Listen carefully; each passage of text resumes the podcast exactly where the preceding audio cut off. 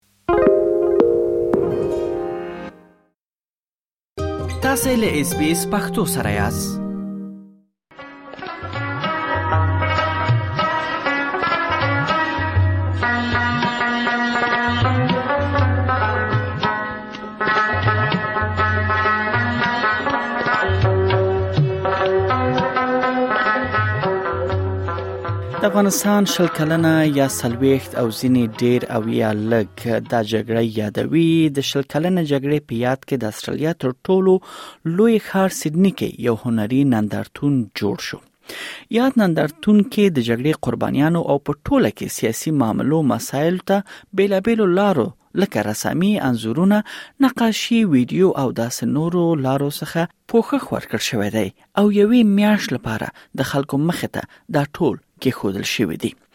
د یاد نندارتون پرانست غونډه کې ځایي چارواکو د استرالیا تقاعد شوی پوځي چې په افغانستان کې هم ډیر پراخ رول لوبولی دی خبريالانو او نورو غنو عام افغانانو او استرالیانو ګډون کړی د عدنان درتون یو له جوړونکو څخه د افغان خزو حرکت ټولنه یا افغان وومن آن د موو و د یاد ټولنې مشره مریم زاهد پوپل وایي د یاد نندارتون مقصد د افغانانو یو قوي غږ وړاندې کول دي ترڅو هغوی خپل ژوند دویم چانس او هم د هغو کسانو لپاره خبرې وکړي چې دا مهال په افغانستان کې ژوند کوي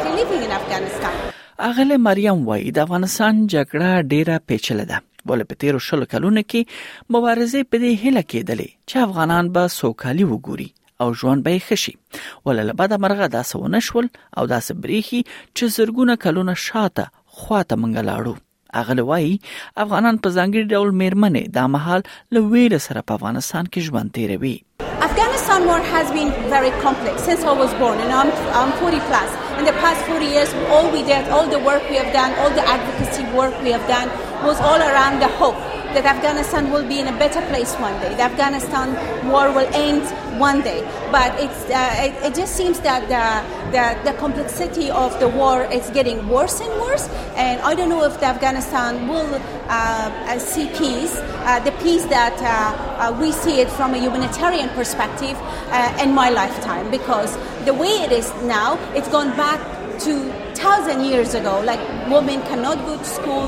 There's no basic human rights in Afghanistan. It is just uh, controlled by one one view. So these are very complex. That to take one government and replace it to another and to replace it another. It seems like we are falling uh, from one extreme to another, to another, and to another.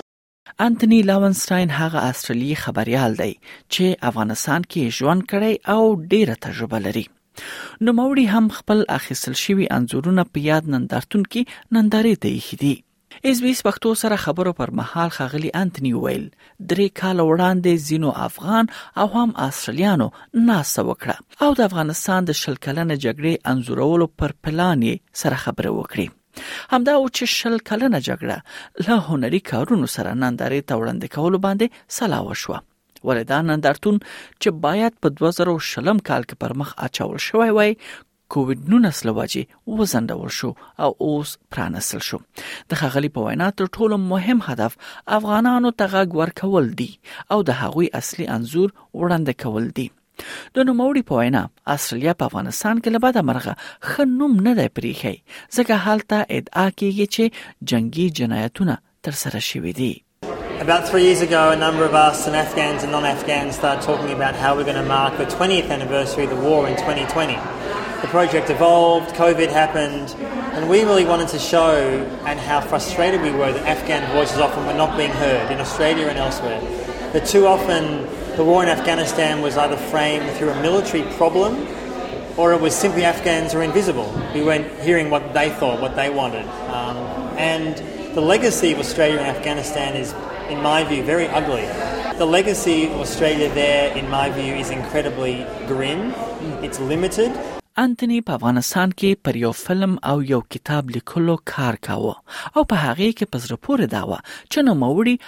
هغه اړخ ته پوښښ ورکاوه چې مخکې چا نو ورکړی انتنی د افغانستان جګړه کې له هغو رازونو پرده پورته کوله کوم چې له افغانستان جګړې څخه هم دغو کسانو ګټه ترلاسه کولې او هم د بیوسه افغانانو له حالت څخه دوی خوند اخیسته او ترې ګټه ترلاسه کولې So I was there in Afghanistan in 2012 and 2015. I was working on a book and a film on disaster capitalism, people making money from misery. And I was looking in there at people who were making money from the war.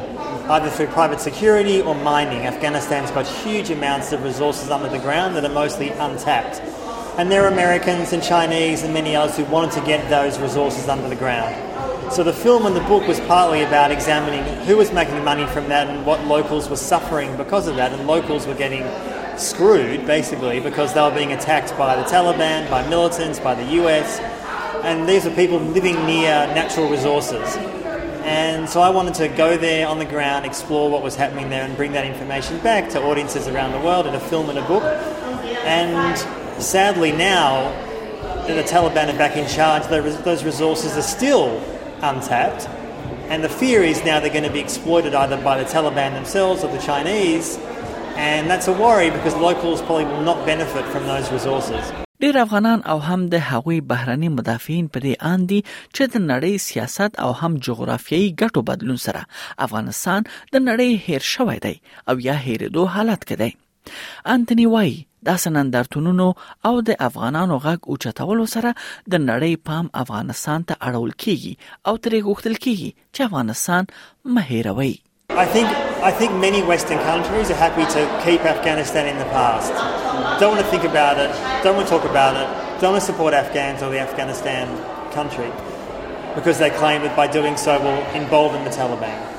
And I understand that concern, but one thing that's really important to me and many Afghans that I speak to is give support to those who suffered during the last 20 years. Either give more places for refugees, and let's be clear that Australia and many Western countries have a heart for refugees if they're white